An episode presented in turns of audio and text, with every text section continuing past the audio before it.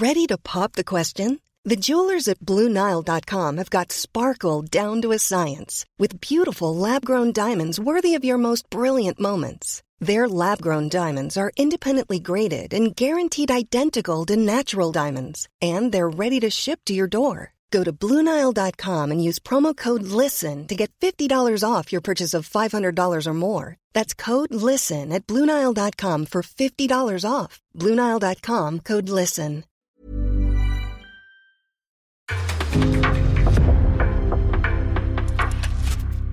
En podcast från Aftonbladet. In the supermarket, you have eggs class 1, class 2, class 3. And some are more expensive than others, and some give you better omelets. That's the wrong information. Wrong, wrong, wrong information. I didn't say that. That's the wrong information. Do you think I'm an idiot? Wrong, wrong, wrong information. Now look at me when I talk to you. Your job is to tell the truth. That's the wrong information. Sillypodden tillbaka efter en eh, kort, ett kort uppehåll. Eh, Makoto, du har ju varit ute och rest, nu är du tillbaks och det innebär att Sillypodden också är tillbaks. Det är ju lite off-season, kanske. Det betyder ju inte att saker och ting där ute står still. Vi har ganska mycket att prata om idag. Vi ska säga det, att det här blir eh, Sillypodden precis i vanlig ordning den här veckan. Sen från och med nästa vecka hela vägen fram tills att vi börjar ladda upp inför VM som är några veckor bort. Så kommer man kunna hitta Sillypodden, vi kommer göra den som vanligt, men den kommer ligga i plus och den kommer ligga hos Podmi. Eh, så är du pluskund eller blir pluskund, eh, vilket man kan bli för något förmånligt pris just nu. Eh, om man eh, köper eh, våra poddar så kan man lyssna helt som vanligt i Aftonbladets app eller i Podmis app. Eh, de veckorna som följer där. Och sen när vi börjar eh, ladda upp inför VM, ja, då kommer vi vara tillbaks som vanligt igen. Så det är ju inte jättemånga veckor det rör sig om egentligen då? För Det är inte VM jättemånga veckor det Nej. rör sig om, men det är om man vill hänga med under den närmsta månaden nu va, så är det hos Aftonbladet Plus eller hos Podmi som gäller. Så, då har vi fått det ur vägen, då vet ni Hej alla gäller. på YouTube, TikTok också, Ja, ska vi säga. kommer, vi kommer fortsätta sända live på eh, YouTube och TikTok så eh, vill man följa oss där och kolla på oss när vi spelar in där så eh, går det alldeles utmärkt så det kommer vi även fortsätta göra under den här perioden fram till VM. Eh, och sen vidare såklart under VM och så vidare. Men om man vill slippa se oss alltså, då är vi premiummaterial. Precis, det är Ja. premium att slippa se oss. Exakt, Det- jag det är Superrimligt. Får vi kalla det premium? Plusmaterial är premium är något annat ja. Nej, jag vet inte. Ehm, vi, vi kallar det vad vi vill. Vi eh, ska dyka rätt in i körschemat som eh, du precis satt ihop, för det har hänt grejer ju. Det hände grejer under veckan. Eh, timmen efter Champions League igår, eh, Julen Lopetegui sparkad igen. Eh, igen, han blev, fick, blev sparkad av Real Madrid för några år sedan.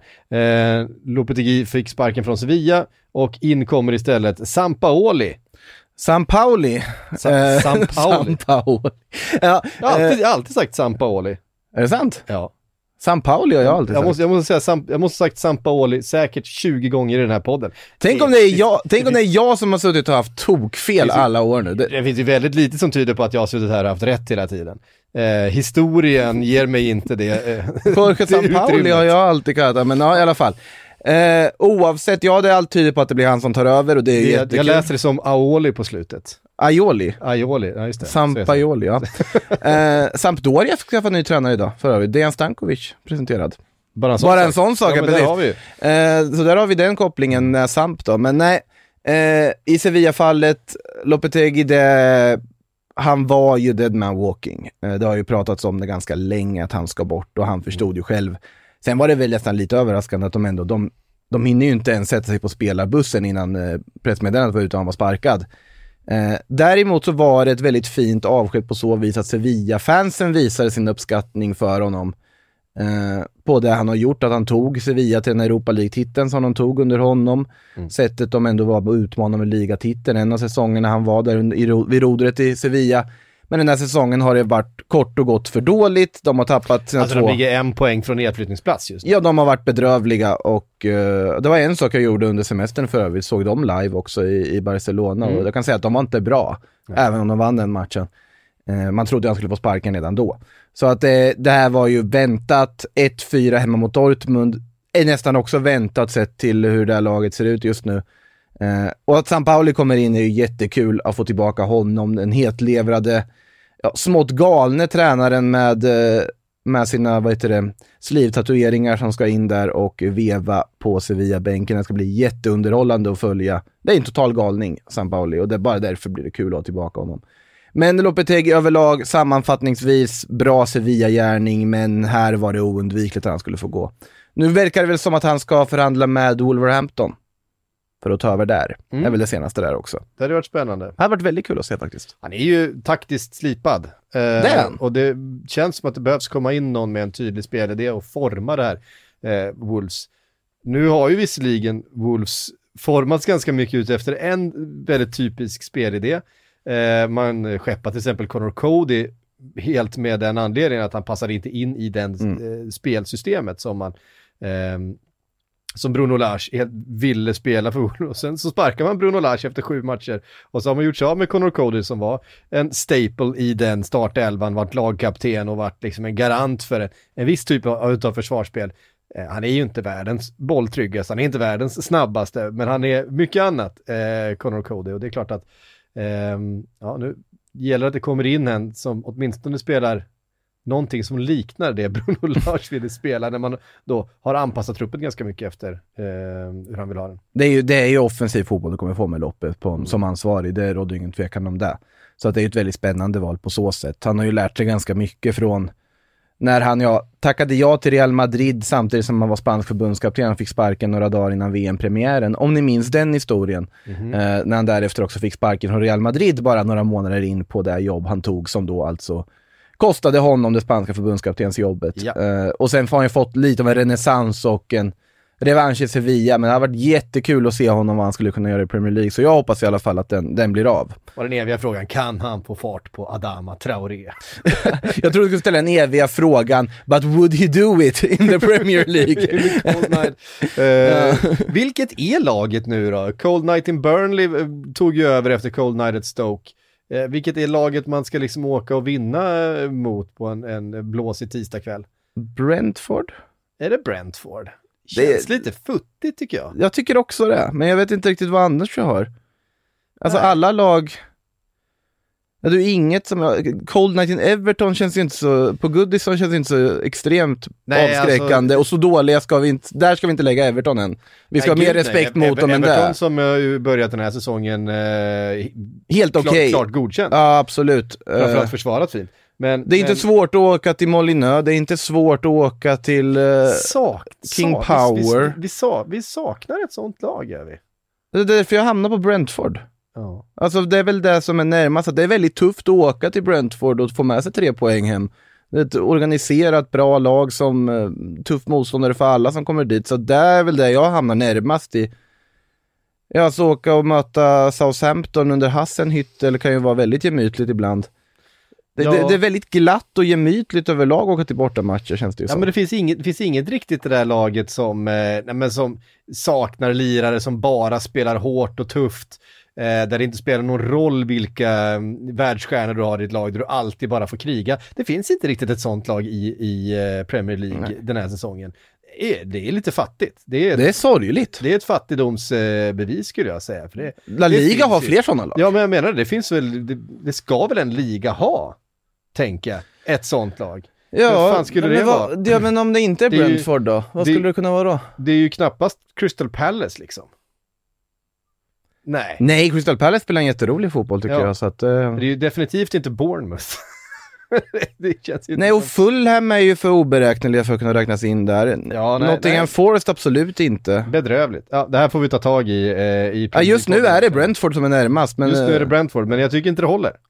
Nej, vi får, vi får ta upp det här i, Ja, det, det får i vi helgen. tillbaks till och tillbaks till Sevilla då. Eh, San Pauli in, ja de måste ju vända på den här säsongen nu. Det, har ju, det är en bedrövlig inledning. Det är fem poäng på sju matcher. Ja det, ja, det måste de göra. Så enkelt är det ju. Och Champions League kan de ju glömma gå vidare. Det blir ju City Dortmund som tar det i den gruppen. Nu gäller det bara att säkra Europa League-platsen för Köpenhamn, vilket de väl ändå borde göra kan man tycka.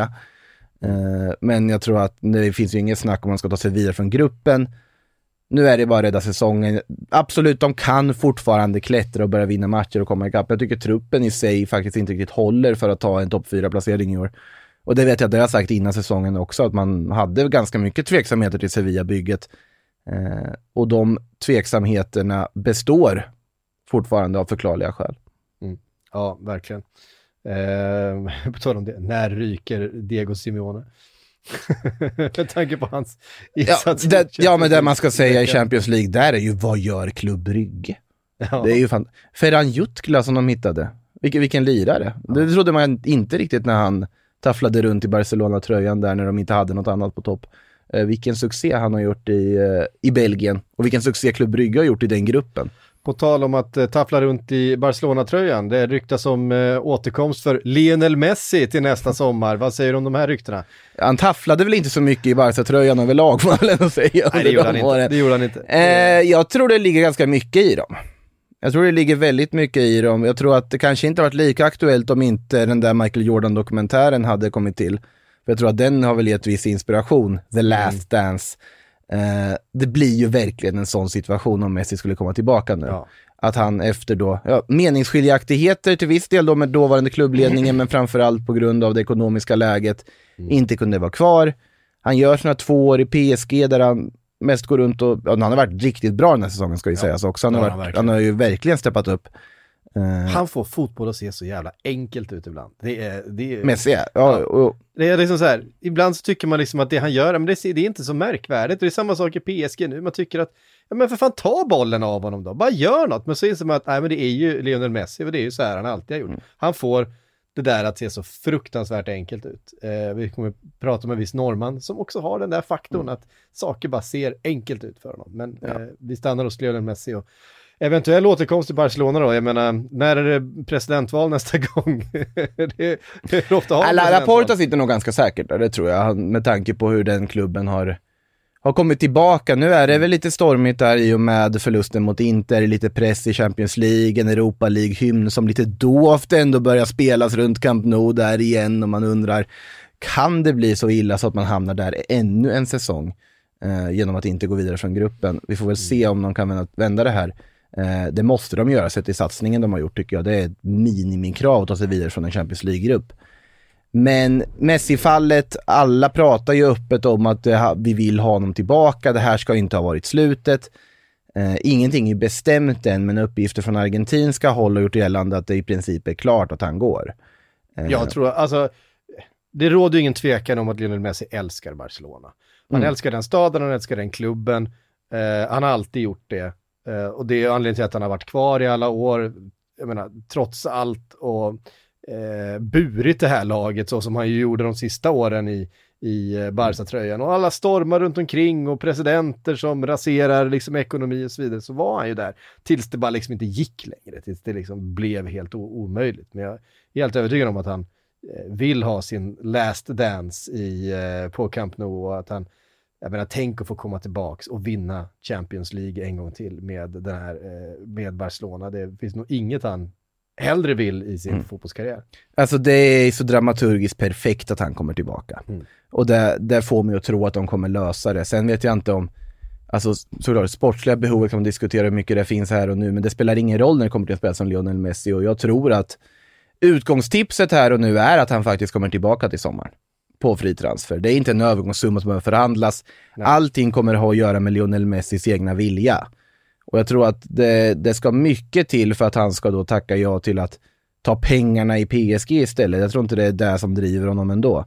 Eh, men såklart det har att göra med vad visar det här Barcelona-projektet under den här säsongen. Är Xavi kvar som tränare eller har han lyckats helt bränna broar och eh, tappa sitt jobb innan? Det tror jag för inte han gör. Men det finns många saker som kan hända fram till sommaren som kan påverka saker. Men här och nu, förutsatt att det, inte kommer någon ny ekonomisk smäll som vi inte har räknat med eller annat, så, så tror jag faktiskt han kommer tillbaka. Det är känslan i alla fall. Och det är, sen om det blir lyckat och att det blir samma som för Michael Jordan i Bulls, det, det får vi väl se. Men, Ja. men det, liksom förutsättningarna finns ju där. Förutsättningarna finns där, absolut. Ehm, Barcelona har vi pratat om, de gör sin satsning. Ett annat lag som satsar rätt friskt just nu, eh, Chelsea, som man inte riktigt vet alls vart man har. De har fortfarande inte fått in någon eh, sportchef. Michael Edwards eh, var de ute efter, han tackade nej. Det är fortfarande oklart vad han ska göra. Jag tror, mitt stalltips är ju fortfarande att han kommer göra någonting utanför fotbollen. Eh, även det är många som drar i honom. Du typ arbetar med PR eller något, eller vadå? Nej, jag vet inte. eh, eh, jag vet inte, han är ju eh, säkert kompetent inom många, många områden. Så det är ju fortfarande, ehm, vad heter han, nu tappar jag namnet. Eh, Bowley som styr skutan i Chelsea och det verkar som att man har riktat in eh, siktet på Christopher eh, Nkunku i eh, RB Leipzig, eh, kanske redan till januarifönstret. Någonting helt irrelevant fakta här som bara noterade någon, någon tweet som flög förbi. Någonsin tänkt på att Nkunku, man har ju alltid tänkt hans namn som Nkunku, Mm. men det är Nku Nku. Det har man inte tänkt på. Nku, Nku. Ja, det är två, det, Ja, det- det är en det- upprepning. Ja, det är bara en sak. Bara otroligt onödig detalj, men det, Ja. det, det var verkligen en sån här. Eh, men Verkligen. om vi pratar om hans fotbollsmässiga egenskaper och inte hans namn så är det ju så att han, han har ju fortsatt ösa in mål i Leipzig nu. Ja. Eh, det var jättemycket snack om honom i somras, eh, men då gick ju Leipzig tidigt ut, lyckades förlänga hans kontrakt och eh, då med en utköpsklausul på 60 miljoner euro. Det vill säga, kom hit, du får välja vilken klubb du vill gå till när det är dags. Lite så är det ju den klausulen sägs. Ungefär som Haaland fick i Dortmund, Ja. eh, den klausulen. Chelsea vill ju då hinna före alla andra och försöka göra klart det här redan nu och verkar faktiskt vara på ganska god väg att lyckas med det. De ska ju ha haft en eh, hemlig medicinsk undersökning tidigare med honom som, och han ska vara ja, principiellt överens med Chelsea om ett pre-contract för att då ansluta till klubben under sommaren. Chelsea förhandlar ju samtidigt med Leipzig här nu också om att, om att kanske inte betala klausulen utan betala en annan summa eh, för att få igenom den här övergången. Om det så är att man vill betala mer för att få honom i vinter eller om det är att man bara vill betala mindre eller vad det är, det, det återstår att se. Men de vill i alla fall förhandla fram ett avtal, göra klart det här så fort som möjligt innan de får konkurrens från andra. Unkunku själv verkar vara väldigt ja, öppen för att gå till just, eh, till just Chelsea. Och det är väl en jättebra värvning för dem med tanke på att ja, han har ju visat vilka enorma kvaliteter han har. En ganska unik spelartyp på sättet han han har ju skolats om på något sätt från mittfältare till anfallare och en någon sorts hybridposition där mitt emellan där han bara oavsett vad öser in mål.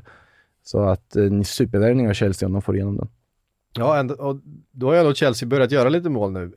Eh, åtminstone i Champions League mot eh, eh, Milan i veckan. Viktig insats av, av de där, viktigt liksom. Det var viktigt för typ Pierre-Emerick Aubameyang att sätta den där bollen till Mm. exempel. Ehm, Reece James avslut var inte dåligt. Nej, det var det inte. Han kan ju det där. Det har vi Det, sett det förut. kan han. Det kan han. Eh, onekligen. Nej men Nkunku är ju jättespännande. Det har ju pratats mycket om eh, PSG såklart. Där. De har varit där och visat visst intresse. Ehm, som sagt, till exempel om en Messi försvinner till nästa sommar. Eh, det finns andra spelare. Det är ju liksom Mbappé som man ska bygga det här anfallet runt. Det är väl inte omöjligt att en, en Kunku skulle kunna komplettera Mbappé ganska bra. Eh, Han har ju flörtat med PSG förr också. han är ju är en PSG-produkt. Han Mm. säger ju att han aktivt håller på klubben. Han är ju liksom en PSG-kille. Ehm, och att det är på något sätt hans dröm att få spela PSG igen. Eh, så vi får väl se här vad som händer om han får några indikationer från, eh, från PSG att de kanske kan vara intresserade till nästa sommar. Då tror jag att han kommer vara kvar i, i, i Leipzig och vänta in dem. Eller om eh, Chelsea kan locka honom redan nu i vinter om PSG eventuellt har något annat planerat framöver. Vi får väl se. Det hade varit väldigt spännande att se hur Potter skulle använda honom. Mm. Alltså i och med hans mångsidighet också, vart, vilken del av banan skulle du sätta honom i och vilken formation Och skulle hur, du... hur ska man då formera honom tillsammans med en Kai Havertz till exempel? Tror som- du inte att det förut li, blir lite att Kai Havertz förpassas till en form av avbytarbänk om att det, känns, det, det känns ju nästan som att det blir svårt att spela dem. De, de tar ju upp ungefär samma ytor, eh, tänker jag. Han passar egentligen bättre i det gamla Chelsea-systemet. Alltså när du hade den här, eh, ja, alltså när det inte var liksom renodlade yttrare framme utan två sorts offensiva mittfältare bakom en striker. Eh, Men då är det Mason Mount ska in i ekvationen såklart. Verkligen. Du ska in Raheem Sterling i ekvationen som väl kanske dock har kunnat agera för någon sorts wingbacks-hybrid också under Alltså Potter är ju, en, är Potter, ju ja. en väldigt, väldigt skicklig taktiker som är bra Mm. på att få ihop just den här typen av spelare.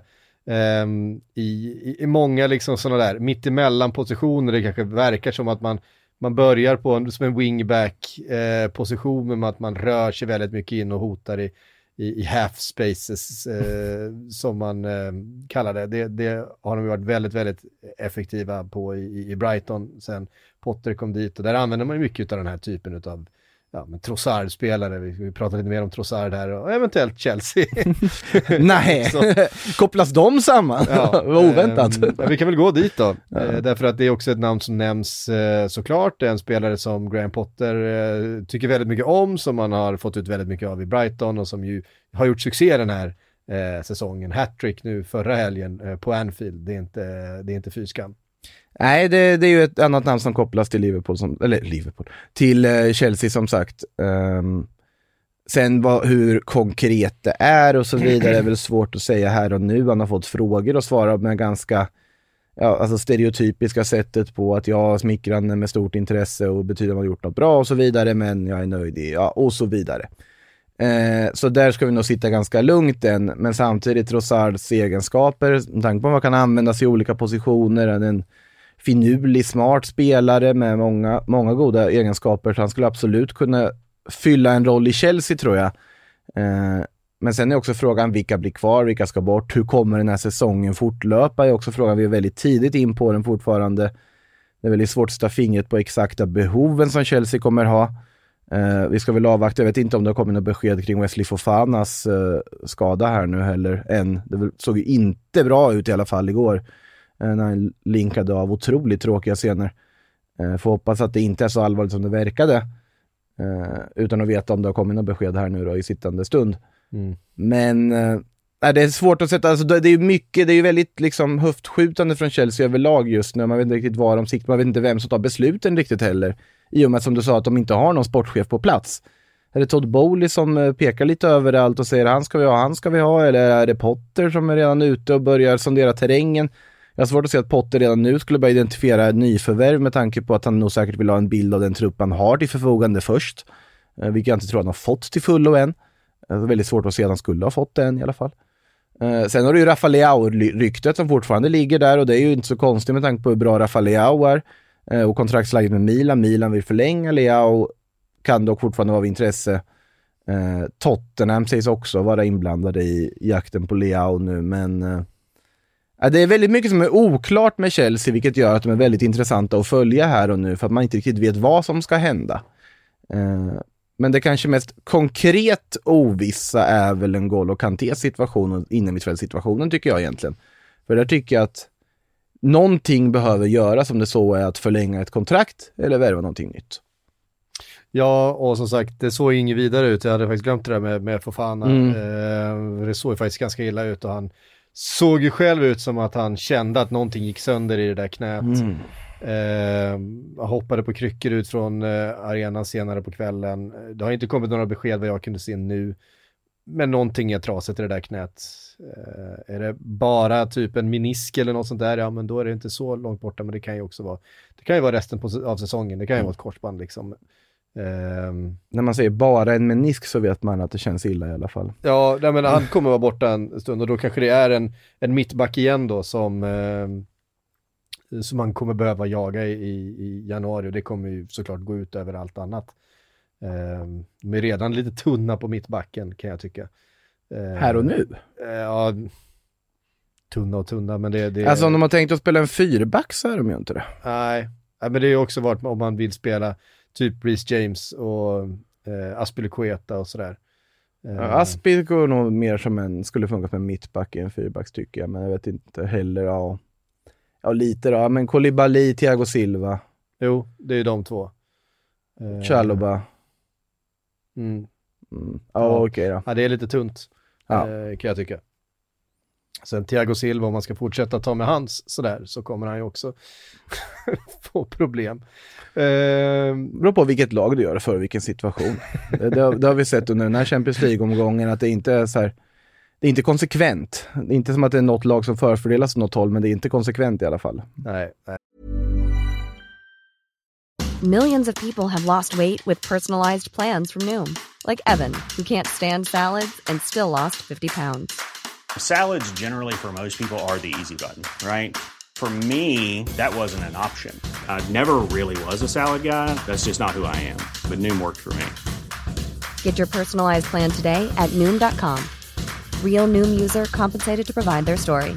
In four weeks, the typical Noom user can expect to lose one to two pounds per week. Individual results may vary. Är inte. Eh, hur som helst, eh, vi lämnar Chelsea där, för det kommer hända, det kommer hända grejer i Chelsea i, i januari, det tror jag eh, vi kan vara rätt säkra på, för att eh, ja, de har fått in en ägare nu som skjuter ganska hejvilt och är beredd att spendera pengar. Eh. Borde nämna Kanté först där också. Mm. Eh, det kommer ju från Daily Mail om att de, de är, ja, källan är väl inte det mest pålitliga alltid kanske, men i alla fall att de inte helt... Beror på vem som har skrivit kan, kan man väl säga. Ja, så är det ibland ju har, såklart. ibland har Ja. de faktiskt stenkoll. Ja, nej men de är ju, verkar ju inte vara helt överens om eh, kontraktslängden. Nej. För Kanté har ju sett vad en viss Koulibaly, jämnårig med honom, fick i kontrakt här nu när han skrev på för Chelsea, det vill säga fyra år långt kontrakt. Mm. Kanté vill av förklarliga skäl ha något liknande om man ska förlänga. Men med skadehistoriken i åtanke och allt så vill ju Chelsea inte alls erbjuda ett så pass långt kontrakt. Nej. Hans kontrakt som är nu går ut i sommaren. Intresse för N'Golo Kanté, ja det finns alltid. Ja. Så där ska vi inte utesluta någon form av aktivitet, kanske till och med januarifönstret om man vill casha in, men då måste du ju ha en ersättare som kommer in på plats också. Ja, nej men så är det.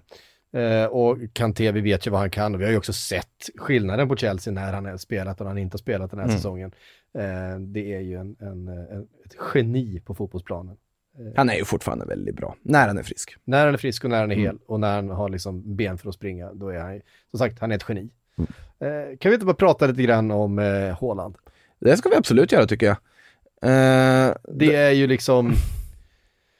Det han gör just nu, det han har gjort i inledningen på den här säsongen, saknar ju motstycke. Eh, och det är lite grann som när man är på ett tv-spel och man har spelat fram till en, till en viss punkt. Eh, och det här är mitt rekord och det är så här långt jag har tagit. Så när man bara fortsätter förbi det och man har ingen aning om hur långt det här ska... Det, här ska, det är lite där jag känner att vi befinner oss med, med Haaland. Eh, tycka vad man vill om, om Manchester City eller vad som helst, så är det ju på något sätt bara fascinerande att se hur långt kan det gå? Hur många mål kan han göra? Hur kan det här laget liksom förändras? Det är som att han spelar fotboll och det är som att han spelar anfallsspel på en ny nivå.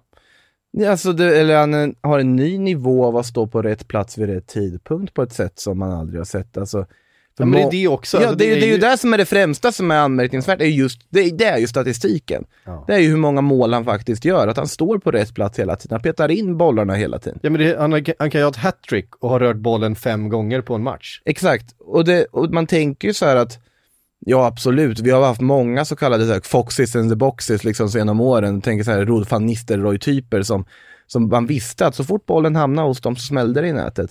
Men bollen hamnar ju också hos Haaland så pass ofta att det blir hattrick i varannan match på ett sätt som man aldrig har sett maken till. Och, det är, och, sen ska vi ärliga, det är ju verkligen inte bara den typen av mål. Men han gör ju annat också, Han gör absolut. ju väldigt absolut. mycket, han gör med två jättefina assist i, Mm. i helgen dessutom. Men också det här, det här, ska vi vara riktigt ärliga, hans främsta styrka är ju egentligen omställningsspel och djupledsspel. Det är det som är så sjukt. Att Och det har han, ju är liksom knappt fått visa i Nej, han är liksom så här en, en, en van Nistelrooy och en van Persie eh, liksom kombinerat på något sätt.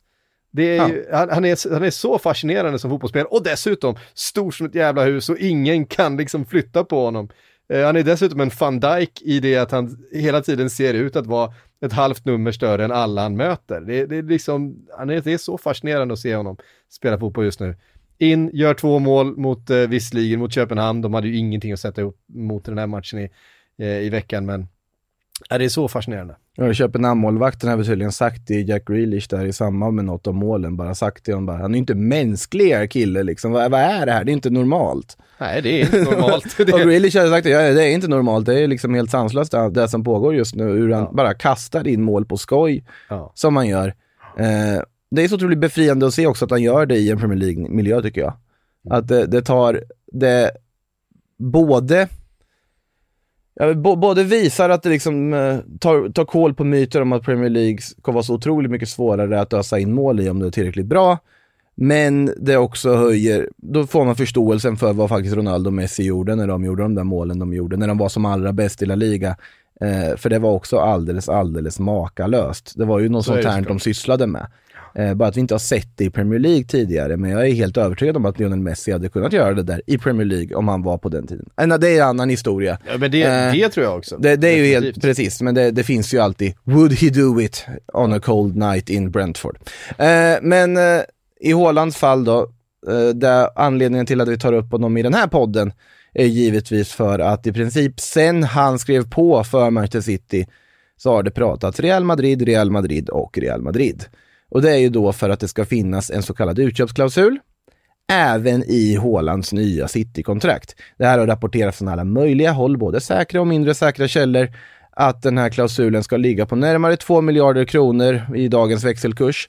Eh, den ska aktiveras sommaren 2024, det vill säga två år in på kontraktet. Exakt samma sak som det var i Borussia Dortmund när då 60 miljoner euro-klausulen tickade in och City slog till. Och den här klausulen ska då vara en så kallad Real Madrid-klausul, det vill säga han vill ha en dörr öppen för att kunna gå till Real Madrid om två år.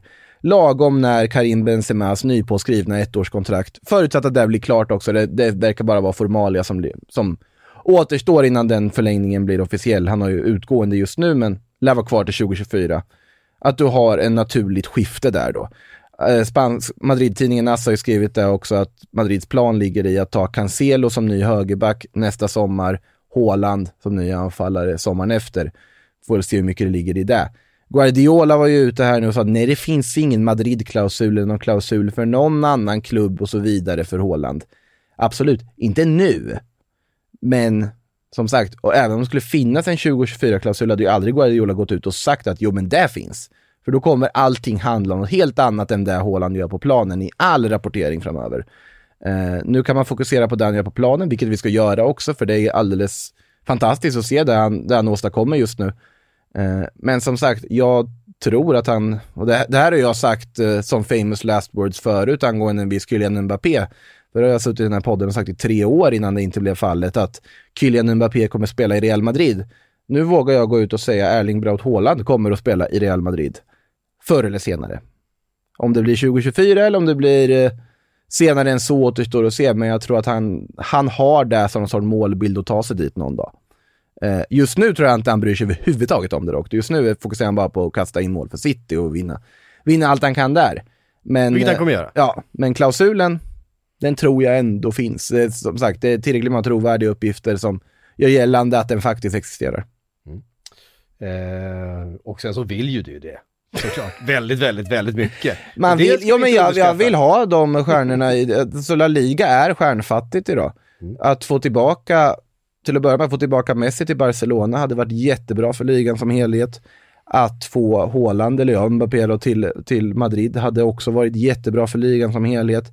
Man behöver affischnamnen, eh, det råder ingen tvekan om den saken för att säger man vill om Karim Benzema, må vara en kommande Ballon d'Or-vinnare, men det är inte ett affischnamn som som drar intäkter. Jag noterade när jag var i Spanien också att i deras officiella så här, La Liga-reklam, de har för La Liga-sändningarna, så har de fyra bilder på spelare. Pedri var en av dem och så var det några till.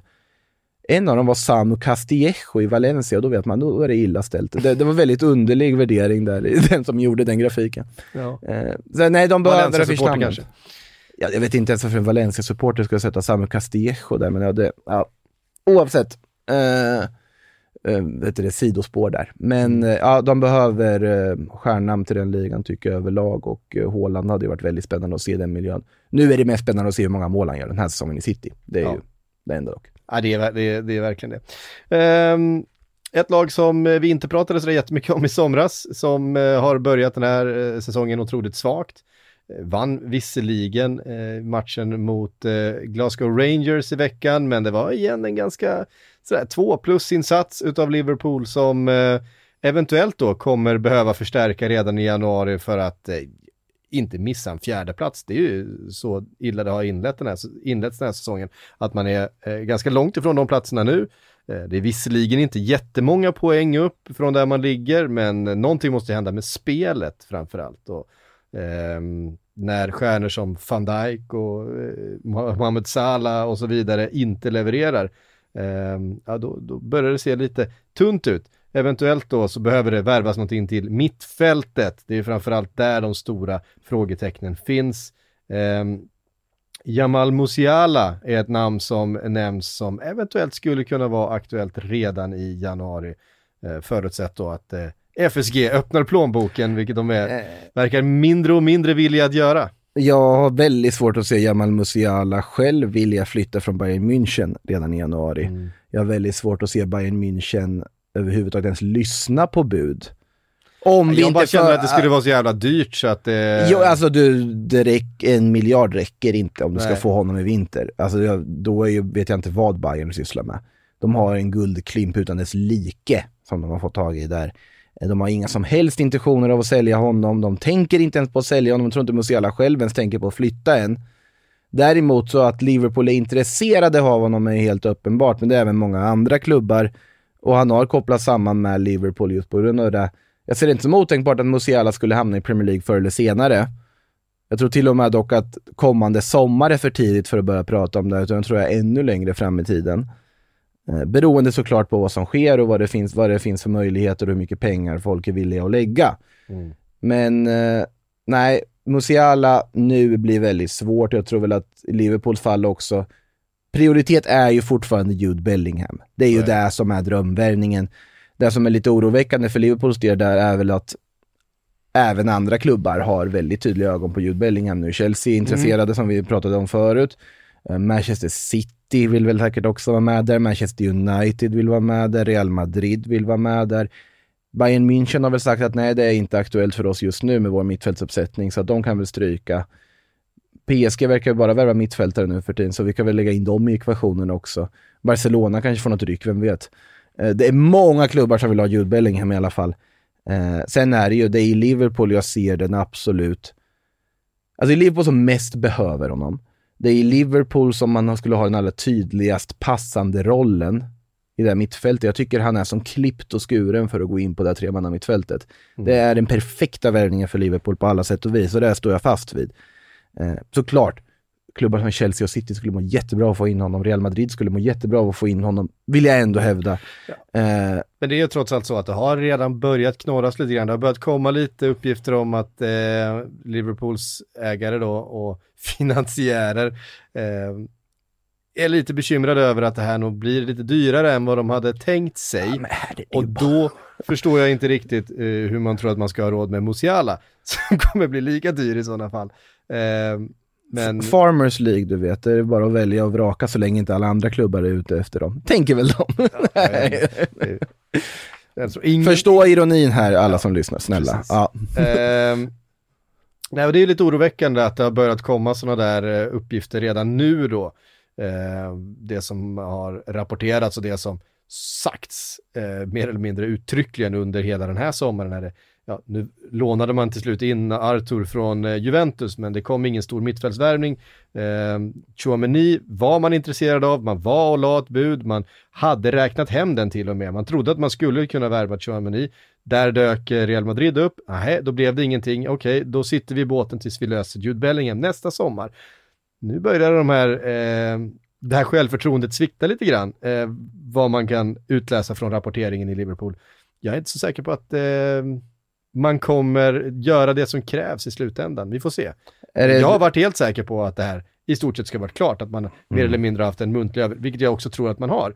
Eh, jag tror att, eh, eller jag vet att Jürgen Klopp och Be- eh, Jude Bellingham har pratat med varandra. Eh, det har, och Jude Bellingham har dessutom varit ganska öppen med att han har varit intresserad av att gå till, till Liverpool. Nu undrar jag ifall det blir så för att kommer Real Madrid in, kommer Chelsea in och erbjuder högre pengar, ja, varför skulle Dortmund eh, sälja till ett lägre bud och varför skulle eh, Bellingham inte vilja spela för någon av de klubbarna om eh, eh, projektet finns. Jag menar, nu har Graham Potter kommit in till Chelsea, jag tror att det är en tränare som eh, definitivt kan övertyga en, en ung spelare om att eh, här finns en, en spännande framtid för dig. Real Madrid är Real Madrid, som sagt det finns andra klubbar också.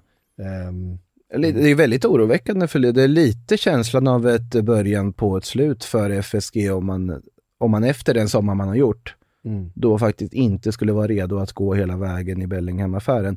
Nu, säger vi, nu tycker jag här, man ska inte liksom beskylla klubbar eller vad, vad heter det, tycka att de är fel på att de inte vill kasta miljarder på en ung talang kanske, men samtidigt så i det här fallet utifrån sportliga perspektivet, det är en spelare som är klippt och skuren för Liverpool. Om du har haft den approachen du har haft den här sommaren, ja då, då måste du nästan se till att lösa någonting efter det. Du kan inte ha gjort en sån sommar som de har gjort utan att ha en plan bakom som du fullföljer. Sen är frågan, har Darwin Nunez-värvningen gett vissa kalla fötter när man spenderar mer än vad man brukar göra på en spelare på så vis, som inte kanske än har levererat. Vi ska ge Darwin Nunez mycket mer tid än vad vi har gjort hittills. Sen. Han har spelat typ fem matcher med klubben. Så att, Jo, eh, exakt. Så det är därav, därav just ge honom mer tid. Ja. Men samtidigt, vem vet om det är sådana saker som också får dem att fundera över vad, hur mycket man vågar lägga på en spelare. Men det ska ju inte heller vara någonting som styr. Eh, blir väldigt spännande att se om det du säger stämmer så är jag väldigt orolig för Liverpool framöver om de verkligen inte vågar. När det är en spelare som passar så perfekt för dem som de gör. Mm. Nu har de istället tagit in en spelare på paniklån som det går att diskutera huruvida det är han eller Jay Spearing som ska gå först i U23-laget. Så att det... Ja. Ja, nej, det, det, och jag kan säga så här, så mycket som det knakar i fogarna just nu runt FSG och supporterbasen, där Mm. har man haft ganska mycket liksom, eh, förtroenden och mycket tålamod. De sportsliga resultaten har ju funnits där och man har ju sett på planen, menar, bara förra säsongen var man uppe och var två matcher ifrån, med två matcher kvar av säsongen hade man fortfarande alla titlar kvar att eh, vinna som man ställt upp i. ehm, I början av säsongen. Så att det var ju en, en fenomenal säsong på Mm. väldigt många sätt och ett lag som Absolut. spelade fantastisk fotboll. Ja men det är klart att när resultaten finns, när spelet finns, då har man det här tålamodet. Eh, nu har inte resultaten varit där och vi ser ju såklart att investeringarna i truppen ligger efter och det är någonting som vi inte har sett tidigare. Där har man varit väldigt eh, tidigt ute hela tiden, man har hittat de här fynden, man har fyllt på. Eh, man kommer ihåg när man, som, man värvade in en Mohamed Salah och det kom in en Fabinho och det kom in en Allison och det gjorde så här liksom, för var, man byggde på det här laget hela tiden ehm, och, och växlade ut och hela tiden såg man eh, en förbättring. Sen kom liksom Diogo Jota in från ingenstans och han bidrog och det fortsatte eh, Luis Diaz i förra vintern. Ja, men det, det såg bra ut, man fortsatte med den här modellen. Nu kom det ingenting i, i, i somras, Eh, spelarna blir äldre, det ser lite trött ut, man har inte riktigt, ja, men det känns inte som riktigt man är, är on top of things eh, längre. Sen, sen är det ju att Chouameni inte hamnar i Liverpool är ju en stor del oflyt. Att, Ja. att Liverpool har ju också Kylian Mbappé att skylla här. För att Real Madrid hade aldrig haft de pengarna att lägga på Chouameni om de hade fått Mbappé och behövt, betala den miljard eh, bonusen till honom för att han skulle skriva på ett kontrakt. Det var ju i och med att de pengarna blev frigjorda som man bara sa, ah, nu ska vi ha Chouameni, boom, går in och plockar honom. Han ville spela för Real Madrid, men om inte det hade varit aktuellt, då var ju Liverpool absolut ett alternativ. Och vi har alla sett hur bra han faktiskt är under början av den här säsongen när man plockar bort världens bästa defensiva mittfältare som hamnar på bänken bakom McTominay i United istället. Samtidigt som Chouameni, 22 år gammal, går omkring och spelar som att han aldrig gjort något annat än att starta för Real Madrid. Eh, det är otroligt imponerande hur jämn han har varit och hur bra han har varit när han har kommit in där.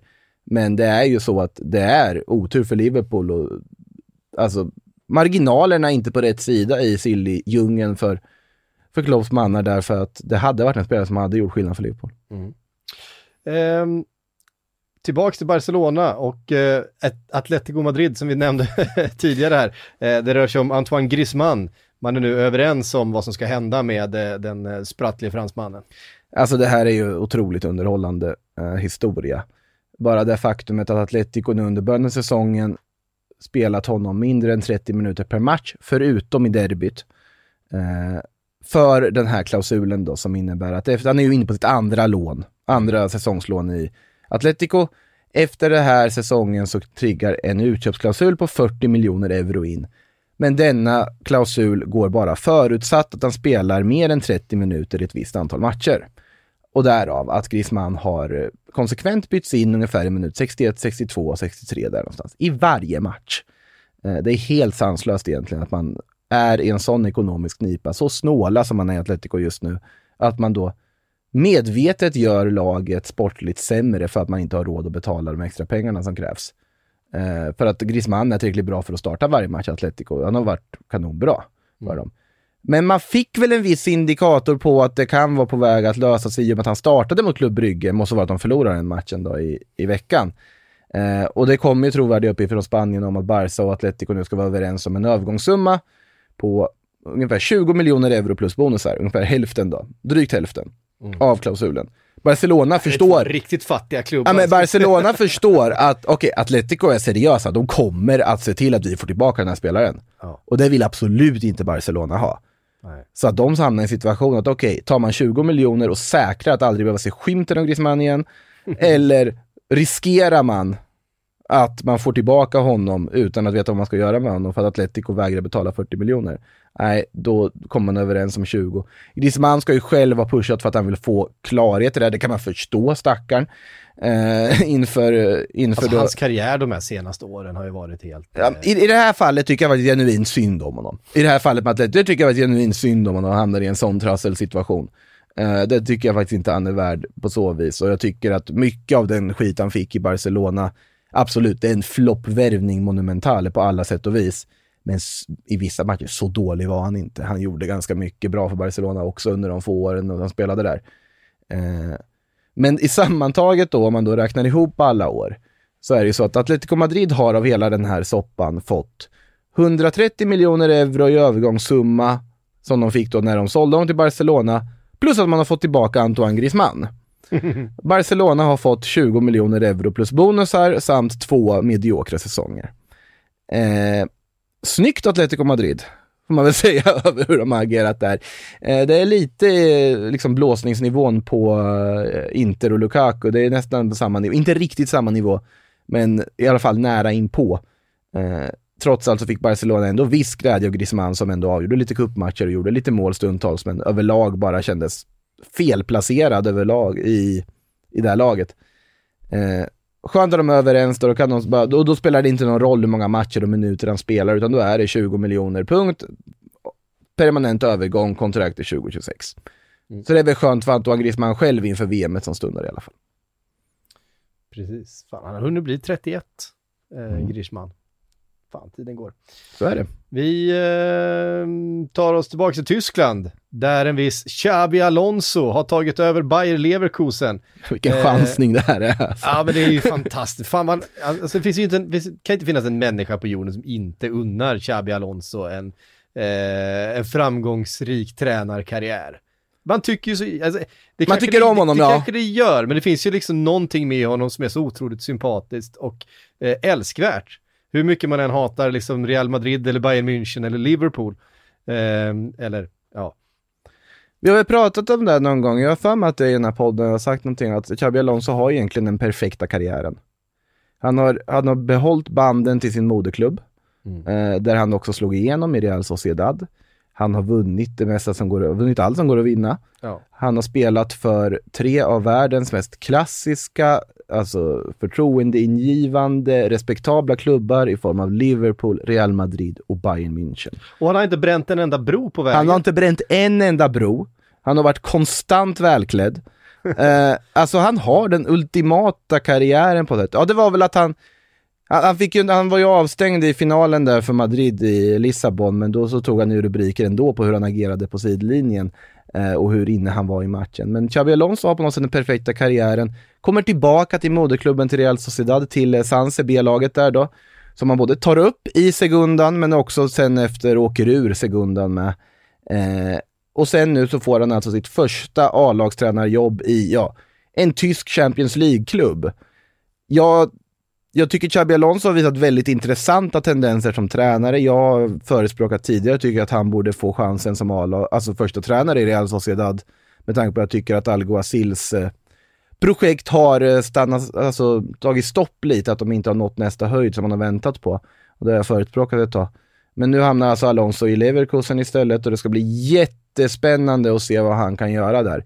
Men som sagt, det är ändå en chansning sett till att det är hans första A-lagsjobb Mm. som vi pratade om. Men det är Xabi Alonso. Jag är helt övertygad om att han kommer göra det relativt bra också. Eh, för att det är tränarmaterial, det kunde man se på det han gjorde med B-laget också i Real Sociedad. Ja, men han är, han är djupt fascinerande. Det är någonting med det, det, det finns någon slags eh, klass i Nej, allting han tar ja, sig för. Liksom. Ja, nej men det, som sagt, perfekta karriären. Ja. Jag, jag, någon får gärna liksom lyfta en karriär som bara just sett i då, alltså absolut man kan säga att här, one man, one club, eh, one club men skulle kunna ha den perfekta karriären också om man vill vara så Absolut. romantisk. Men utifrån klubbvalen, respekten han haft kvar i klubbarna som han har varit i, Mm. alltihopa. Jag har svårt att hitta en karriär som är bättre, men kom gärna med förslag på någon, om det är någon som ni kommer på. Inte, vad säger de inne på eh, kommentarsfälten? Säger de någonting? Ehm, du, då måste jag öppna upp en flik här. Vi, tar, eh, vi, vi- kastar oss över till, jag ska, vi ska svara på frågor från kommentarsfälten, absolut. Men vi eh, tar oss till PSG, som eh, inte gett upp på Milan Skriniar. Nu gick det en sån här ilning längs med ryggraden på, Bab- på Babylon här när vi, när vi nämnde det här ryktet. Jag tror väl... Men Inter vill ju gärna ha kvar honom, försöker förlänga det där kontraktet. Frågan är om det går. Apropå Babylon var en ganska rolig kommentar han hade, såg jag på Twitter här nyligen om, det var ju Inter som ju vann mot Barcelona i Champions League och Xavi var ju arg där och menade på, sa väl lite där bara för han var ju väldigt besviken på en straff som de inte fick i slutet av den matchen, som de borde fått ska väl också sägas, det var ju ganska tydlig hand på Denzel Dumfries. Eh, men där Xavi, ja inte helt seriöst kanske anklagade Inter för att ha typ köpt domaren och Babylon konstaterade att han missat att Inter är ju bankar, det finns inga pengar att köpa domare för. Och ur det där perspektivet så, så är det väl så att ja, om det... Skriniar är ju en svår situation på att han kan lämna gratis i sommar. Men samtidigt, det som talar för Inters del, det är ju att Skriniar själv verkar inte ha något intresse av att lämna Inter. Han har en kaptensbindel på armen han haft och han har varit alldeles, alldeles strålande och trivs jättebra i klubben. Ja. Och det talar väl för att man löser en kontraktsförlängning. Men det gäller att man inte håller på och petar, är allt för jobbiga i de där förhandlingarna och då kanske får ge lite bättre kontrakt än vad du hade planerat att göra. Men se bara till att säkra det här innan han börjar få komma på andra tankar. Ja, Och, och kom- skriver, på för, skriver på för PSG istället. Det är, bara, det är en så pass viktig spelare att bara säkra det. Eh, annars skulle de ha cashat in i somras. Ja, Nej, men annars så dyker ju PSG upp där och värvar honom. Eh, Ja, han, han, som sagt, nu har vi en spelare som verkligen vill vara kvar i Inter, som har Inter i hjärta, som betyder hur mycket som helst för dem, som de har tackat nej till stora bud på under den här sommaren.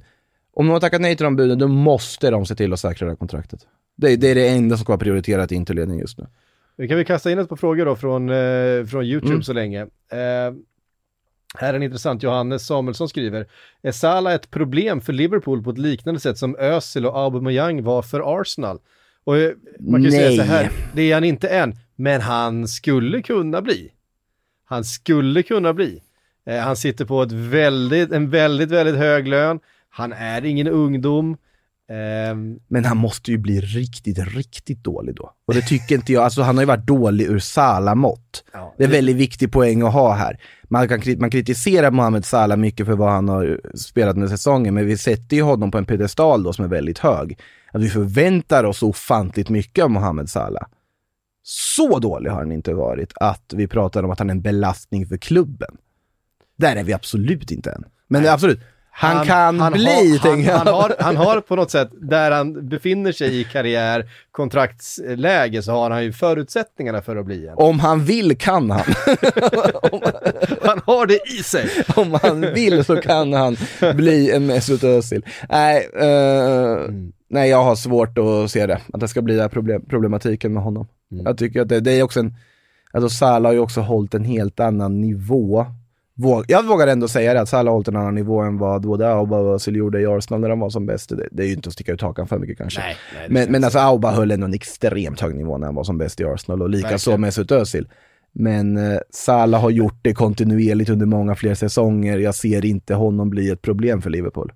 Nej, han har inte riktigt den personligheten heller skulle jag vilja påstå. Eh, Mohamed Salah har lite mer, lite mer lågmäld personlighet ändå skulle jag säga än, än både Özil och eh, Aubameyang. Det, det, är all, det är alltid svårt att bedöma personlighet och personer man faktiskt inte känner mer än via tidningsrubriker och medieintervjuer. Men jag är inte helt beredd och jag kan ju se potentialen att han skulle kunna. Han har en diva i sig. han har absolut en diva i sig. När han skulle jaga det där målrekordet, det var inte många passningar till Mané som slogs. Eh, till exempel. Eh, Brial skriver, vem värvar Ra- Royce nästa år då hans kontrakt går ut? Blir det United som gillar 30 plus-spelare? Nej, varför skulle han gå till United? Nej, jag tror han förlänger det där kontraktet. Han, han, Ja, eller, Alltså, eller, bara, eller, Reus- bara, eller bara tänka att nu är det nog.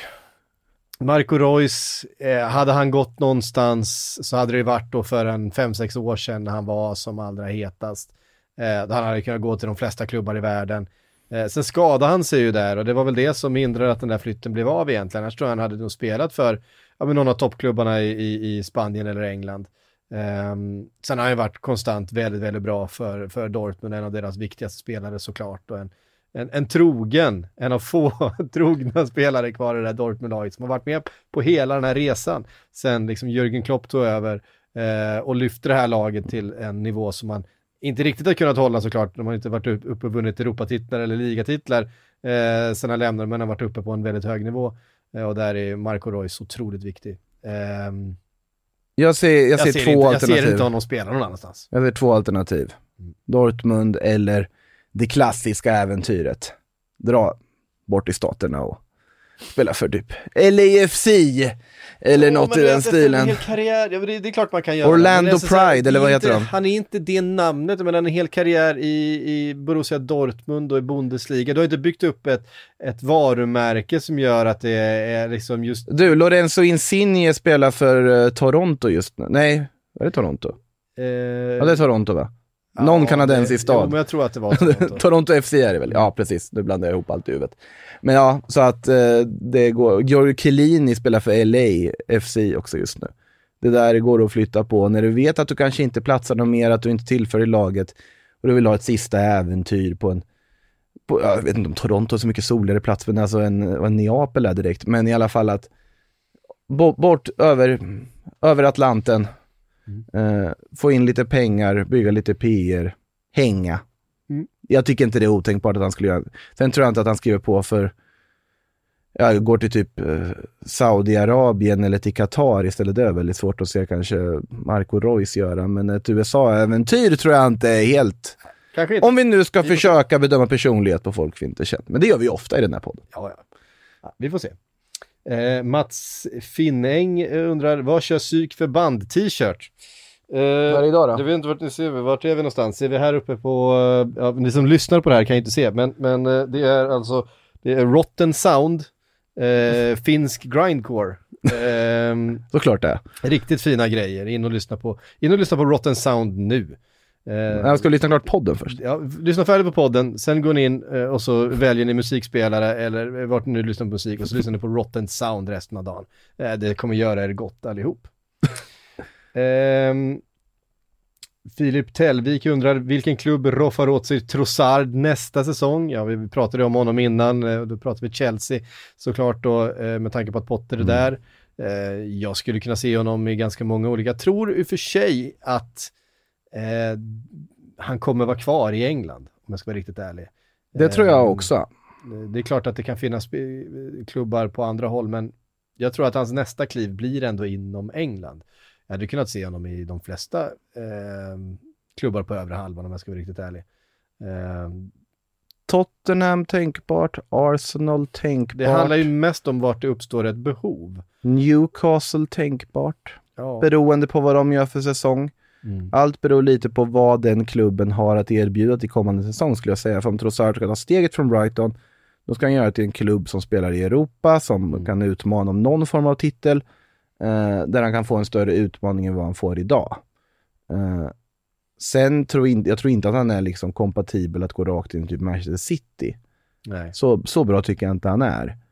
Men alltså alla tre Londonklubbar känns som vettiga potentiella anhalter. Mm. Och beroende på vad Newcastle får för sig så skulle jag se dem som en potentiell anhalt också. Utan att ha några alltså belägg eller fog för den här teorin.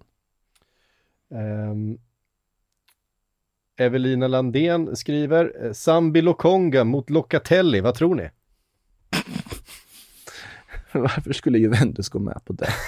jag vet inte. Apropå, ja, i och för sig, ja, det, Juventus har ju, ja det är lite pengar emellan då. Ja, alltså, ja, vi kan väl ta upp den punkten här nu också angående Juventus. Det är en fascinerande sits de sitter i. Nu vann de i och för sig mot uh, Maccabi Haifa. Angel Di Maria var ju strålande. Wow. Ja, men det är inte, ja, ingenting är säkert med Juventus den här säsongen. och de vann även i ligan här, även helt Rabiot okej. gjorde mål också, så bara en sån sak. Mm. Jag gjorde en helt okej insats i ligan också dessförinnan, men överlag så är det ju tydligt. Det här Juventus är inte bra. Nej. Det här Juventus har inte alls tagit några steg i rätt riktning sen Allegri gjorde comeback på tränarposten. Klubben säger utåt sett att vi har fullt förtroende för, Allegri, för Max Allegri och att han kommer att eh, fortsätta träna Juventus och kommer ta oss ur det här. Anledningen till det är ju, och alla kan se det, och det har rapporterats också, jag vet att Fabrizio Romano var ute och rapporterade också, att anledningen till den här komplicerade situationen är att de har inte råd att sparka Allegri. För att han sitter på ett kontrakt till 2025, han drar in 9 miljoner euro per år på det här monsterkontraktet han har. Och Juventus har, efter att ha köpt Dusan Vlahovic för pengar de egentligen inte hade i vintras, vilket jag till viss del fortfarande tycker var rätt beslut att göra av dem, sett till vad de har fått, uh, fått in på grund av det. Eller tack vare det rättare sagt. Eh, jag tycker ändå att det var rätt att flytta sommarinvesteringarna till den vintern för att säkra Vlahovic innan Premier League-klubbarna hugger. Det tycker jag var rätt. Men det är ju anmärkningsvärt att de är i en situation där de alltså inte har råd att sparka sin tränare. Nej. Det är helt otroligt. Ja, det, det, det är makalöst. Det är klart Och att det är, det, är ju, det är så sorgligt att se Juventus spela man måste fotboll. släppa Locatelli för... Eh, Sambi Lokonga. För, Ja, men då tycker jag... Ja, alltså en bra slant däremellan. Locatelli kopplas ju en hel del med Arsenal just nu så att... Ja. Eh, men jag ser inte anledning för Arsenal att skeppa en mittfältare till för att få in en annan mittfältare. Arsenal Fram- behöver ju dock fylla på med mittfältare, så är det ju. Locatelli hade varit kul att se i Arsenal. jag Ja, tycker det har varit en bra värvning. Eh, men jag tycker att man kanske ska försöka att kasta in pengar där istället, rent, eh, så att säga. Det hade nog Juventus kunnat tänka sig sälja. För att, jag menar, vi har fi- fått ganska mycket frågor om Arsenal, vi kan väl bara samla ihop dem. och Vad ska Arsenal göra, vad behöver de göra? De behöver inte göra så jättemycket för startelvan, eh, om man ska vara riktigt ärlig. De behöver inte få in en ny liksom, starter som ska förändra någonting, för det, här maskineriet, det, det rullar just nu. Den här, det här bygget fungerar, den här startelvan är riktigt, riktigt bra. Jag menar, de leder ligan. Eh, det de däremot Mm. saknar är ju bredden, för att bakom den här startelvan, får vi ett par skador på mittfältet, en Xhaka och en Partey till exempel, ja, då är det ju Lokonga och det är liksom eh, så pass mycket svagare spelare där bakom som El Neni. El Neni som väl är skadad va? Jag till och med det. Eh, fortfarande. Eh, dessutom så att, och det är i liksom ganska genomgående i hela det här laget så är ju truppen rätt tunn. Det finns en och annan ersättare liksom sådär på, på ytterback och mittback och, och forward, men det är, det är ganska lite och det blir ganska stora kvalitetsskillnader eh, sett över hela eh, startelvan om man ska byta ut för många av de som spelar där nu. I dagsläget tycker jag dock det bara är en, möjligtvis två positioner de behöver göra någonting på. Och det är möjligt att ta in en innermittfältare, men det är väldigt tydligt att de fortfarande vill göra det. De Mm. jagade Douglas Luiz in i det sista från Aston Villa, men Villa vill inte sälja. Luiz-spåret ska väl fortfarande leva i och med att Douglas Luiz fortfarande har sitt utgående kontrakt och att Aston Villa kanske ändå inser att ja, men ska vi försöka få lite pengar för honom i vinter så är ett alternativ. Eh, Brassemittfältaren Danilo är ett annat namn som ska ha varit av intresse för Arsenal. Locatelli får väl se om det är något Italien-fabricerat att han kopplas till Arsenal eller om det faktiskt ligger någonting i det, men det hade också varit ett namn annars. Eh, och sen möjligtvis då en ytter Mm. som skulle kunna tänka sig agera backup till de som finns och acceptera den rollen men fortfarande vara bra nog för att faktiskt leverera.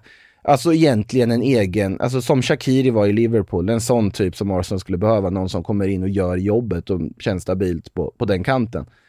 Eh, samtidigt tycker jag att man prioriterar ganska rätt i att det finns väl, det är väl snack om att man jobbar mycket med att förlänga vissa kontrakt. Eh, Bukayo Saka, Gabriel Martinelli, eh, Saliba. De tre kontrakten ska vara av intresse att förlänga för att visa att man vill behålla dem och det är ju tre spelare man absolut ska se till att behålla tycker jag. Ja, Saliba Eh, har ju varit helt... Eh, Han har varit strålande. Helt magisk, klart. Bukayo. De väntade länge Arsenal-fans, det var mycket snack om William Saliba länge inte- där det var- innan han gjorde trass- det, var, det var trassligt på vägen, det var Ja, det var väldigt Eh, trassligt på vägen. Men nu är han framme. och, Underliga eh, saker skedde på vägen, men till slut så hamnade han där via lån och allt möjligt och har varit alldeles strålande måste man ju säga. Och jag skulle säga att skulle man överhuvudtaget överväga tanken att eh, inte förlänga med eh, Bukayo Saka, då gör man ju bort sig rejält. För det är, Ja, det, det, det vill de, det, det kan vi nog vara det, är den lugna för. klubbens, det är den klubbens framtid. Eh, Ja. Så det är jag fortfarande helt övertygad om. Jag tycker han har, han har så, så otroligt mycket fotboll i sig. Eh, I den lilla kroppen. Eh, fenomenal. Han kan inte va- varit den som har varit den mest sprudlande spelaren den här säsongen, men han är väl en av alla spelare som är ganska slitna, skulle jag säga. Mm. Han är fortfarande ung. Ehm, Det, det är en sån spelare. spelat väldigt mycket fotboll, men han, han, är så, han, är så, han har så otroligt mycket i sin verktygslåda i, i form av smartness och, och teknik och poängfötter och allting. Så att det, Men han också- är en av mina favoritspelare i hela ligan skulle jag säga. Också en spelare med fötterna på jorden och också Mm. sättet han tog sig tillbaka från den straffmissen som skulle kunna ha alltså, varit psykologiskt förödande för vilken spelare som helst. Den han gjorde för landslaget. Eh, det är imponerande hur han har tagit sig tillbaka och hur han studsade tillbaka från det. Det måste ändå sägas. Albert Wiesel säger här i, i, i YouTube-chatten att ja, frågan är ju om Saka vill och det är ju frågan. Det är ju därför... Det är ju frågan. Ja men ja, då ska, Eh, då ska ju... måste ju övertyga honom om att det är här hans framtid ska vara. Ja men vad måste Pep Guardiola förbereda för det då? För att locka Saka bort från Arsenal? Det, är, alltså, Ja, det är det, är ju- ju, det här är ju liksom en, en Pep Guardiola-spelare ut i Ja, fingertoppen. det räcker- det så, räcker- som, det så, som, räcker. så, ja, du vet så här, han, är, han är smart, han är teknisk, han är snabb, han kan liksom... Lyssnar på vad Han kan tränaren ta en säger. instruktion, eh, han är liksom inget, inget stort ego. Eh, och det är ju klart att eh, Guardiola kan ju ringa upp honom och säga, du när ditt kontrakt går ut, eh, kom till Manchester City, spela med de här spelarna så ska jag göra dig till en riktig världsstjärna och du kommer vinna allt. Eh, vilket han kommer göra och han hade varit helt, eh, Men du kommer bränna dina broar med klubben som format dig. ja. Och, risk, och risken är ju också då att, att du hamnar i ett kollektiv där, ja, du kommer kanske roteras en del, du kommer inte vara den som får all uppmärksamhet, du kanske inte ehm, var den här självklara liksom, kulturbäraren för en, en klubb som jag tror att han kommer vara för, för Arsenal om han stannar där och har sin karriär där. Eh, och jag menar, det är inte så att Arsenal inte är en klubb som inte kommer kunna vinna titlar. Det På ser- sikt, nej men det sikt. gäller då att man tar den här Champions League-platsen, för jag tror att den är väldigt viktig. Om det går för många säsonger utan man lyckas, då kommer Just ju... nu en- ser det rätt bra ut. Det gör det verkligen. Men då, då kommer ju Bukayo Saka titta åt andra hållet. så är det ju såklart. Men eh, jag tror att ändå för att, jag tycker, jag får ändå känslan av att en spelare med extremt klubbhjärta, som eh, av allt helst vill vara kvar i Arsenal under Arteta som det ser ut just nu. Man vet aldrig vad framtiden har att erbjuda. Men jag tror att Pep kommer behöva mer än typ en powerpoint-presentation och en giftbag att erbjuda för att liksom locka Saka och visa att det här projektet är spännande. Han måste förbereda något alldeles extraordinärt i presentationsväg för att få City-projektet att framstå som värt att gå till för att bränna Arsenal-broar, det tror jag. Ehm, bra, vi har fått någon fråga från Twitter också. Vi ska kasta in den innan vi knyter ihop för idag. Jag ska bara slänga ett getöga på körschemat också. Jag ville säga, säg något om Gonz- Gonzala Hi- Higuain medan jag tittar i, Alltså- i listan här. Han har ju annonserat att han avslutar karriären nu borta i USA, gjorde det med tårar i ögonen från ett presskonferenspodium. Eh, otroligt fascinerande hur många klubbar han faktiskt spelade för i slutändan. Madrid, Napoli, Juventus, Chelsea, Milan, ja, allt möjligt. Eh, men det finns, eh, ja vad ska man säga, Alltså jag tänkte så här, för det är, det är en spelare i alla fall jag har följt väldigt länge. Det är väldigt, jag har följt honom från att hans hår var på huvudet fram till att det flyttades ner till hakan. För den förvandlingen har verkligen Higuain gjort genom åren. Eh, frågan är om man skulle, alltså han, han hade ju vissa perioder han var så ofantligt bra. Men det finns ju ett eh, specifikt minne jag har av honom, det var ju när han avgjorde det som i, i mitt tycke är en av de mest röriga matchavslutningarna man har sett i La Liga någonsin. Real Madrid-Getafe, nu minns jag inte exakta året, men när allt hände, det var den matchen Pep eh, satte sina dobbar i ryggen på Casquero och fick tio matchers avstängning. Den avslutades med att Higuain dundrade in en 3-2 mål i krysset i slutminuterna. Det är ett minne jag har med mig av honom. Eh, han har skapat kontroverser och så vidare. Han har inte alltid varit ja, Guds gåva till mänskligheten, hur han agerar på planen eller liksom utanför eller och så vidare. Men det är, det är, det är en eh, fin anfallare som eh, lägger skorna på, ställer skorna på hyllan. Det är väl det jag känner i alla fall. Ja, det är det. Eh, vi tar en eh, fråga från eh, Twitter också innan vi knyter ihop för idag. Den kommer från Hi I'm Stereo Mike. Mané till Liverpool på lån. Va, varför skulle... Nej. Ja, det har inte gått jättebra för Mané i, i Bayern München heller och har, han har fattats eh, Liverpool så eh, jag hade välkomnat tillbaka. Jaha, ja. En, det är en pusselbit som fattas i Inte hjärtat. gått jättebra från Bayern München, tycker väl det har gått ganska. Ja, han har ju till och med fått tala ut om sin svaga form här under säsongsinledningen. Ehm, Ja, det, men- det, det krävs inte mycket för att behöva tala ut om det. I och för sig det räcker med en mållös match så måste man väl tala ut om sin svaga form. så, så, är det ju, så är det ju att spela i Bayern München.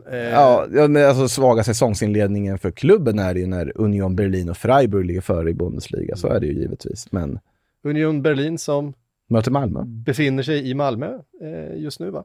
Ja just det, det är väl till och med en hemmamatch där jag Ja. för mig. Eh, blir spännande Nej, är, återigen, alltså det de gör i, det Urs Fischer har gjort i Union Berlin och det Christian Streich gör i Freiburg. Det är helt makalöst alltså. Mm. Jag, jag tippar på att de vinner ikväll. Malmö eller Union? Union. Ja, det ska inte vara så säker, Mal- du. Ja, men Mal Malmö känns sorgliga just nu. Vad är, vad är det som händer där nere? Eh, jag har tappat förtroendet för Malmö den här säsongen. Mal- Malmö hade ju behövt ha en sån här klassisk Europakväll på stadion som bara, bara Malmö kan ha. Det har vi ju sett, det är ju det som tagit dem till Champions League och sånt. Och att ett Mal- Malmö FF i en Europakväll hemma på uh, Malmö stadion ska aldrig räknas bort på förhand tycker jag. Nej. Eh, bra, med det så säger vi tusen tack för eh, den här veckan och Sillypodden är som sagt tillbaks nästa vecka. Ni kan se oss live. Vill man lyssna i efterhand, gå in på Sportbladet eller på Podmi så kan man lyssna där. Det är eh, på Plus då i Aftonbladet eller hos Podmi. Det är bara att välja själva. Eh, och sen så kommer vi köra på så i några veckor där framöver fram tills att vi börjar ladda upp för VM. Alltså den här hösten är ju eh, hysterisk. Men eh, så, ja, vi har, ju sett, det. vi har ju sett sviterna av uh, Nations League-uppehållet också. Ja, verkligen. Eh, alltså. Det är ju, som sagt, vi kommer ha ett läge någon gång i januari där alla klubbars juniorverksamhet kommer sättas på extrema prov i A-lagssammanhang kan jag säga. Barcelona har väl redan tappat Araujo, Koundé och Christensen inför klassikot till exempel. Mm. Eh, de har ju knappt en backlinje kvar. Till och med Piqué får snurra på skorna igen. Bara en sån sak. Eh, och Erling, han, eh, han ska bara fortsätta köra. liksom. Han ska inte spela någon VM. han ska bara göra armhävningar under hela VM så att han eh, kommer tillbaka och är ännu styggare och ännu Hem, starkare. hem till gården tror jag snarare och, och köra traktor och sånt. Det är så här, eh, norsk fjällluft och mycket så här eh, vandringar upp och ner. Ja, det gillar de gå i Norge. På, gå på tur. Gå på tur gillar de att göra Precis. i Norge. Det, Hörrni, ehm, det är som lyssnar på Premier League-podden också. Den spelas in söndag kväll. Vi ska ju till eh, London så att eh, eh, håll utkik efter Premier League-podden redan eh, måndag morgon. Eh, för då kommer den dyka upp där inspelad någonstans i, i, i London söndag kväll efter matchen eh, Arsenal-Liverpool då som vi kommer åka på tillsammans med några utav er, kanske som lyssnar på det här. Det ska bli spännande i alla fall. Men härifrån så säger vi då på återhörande.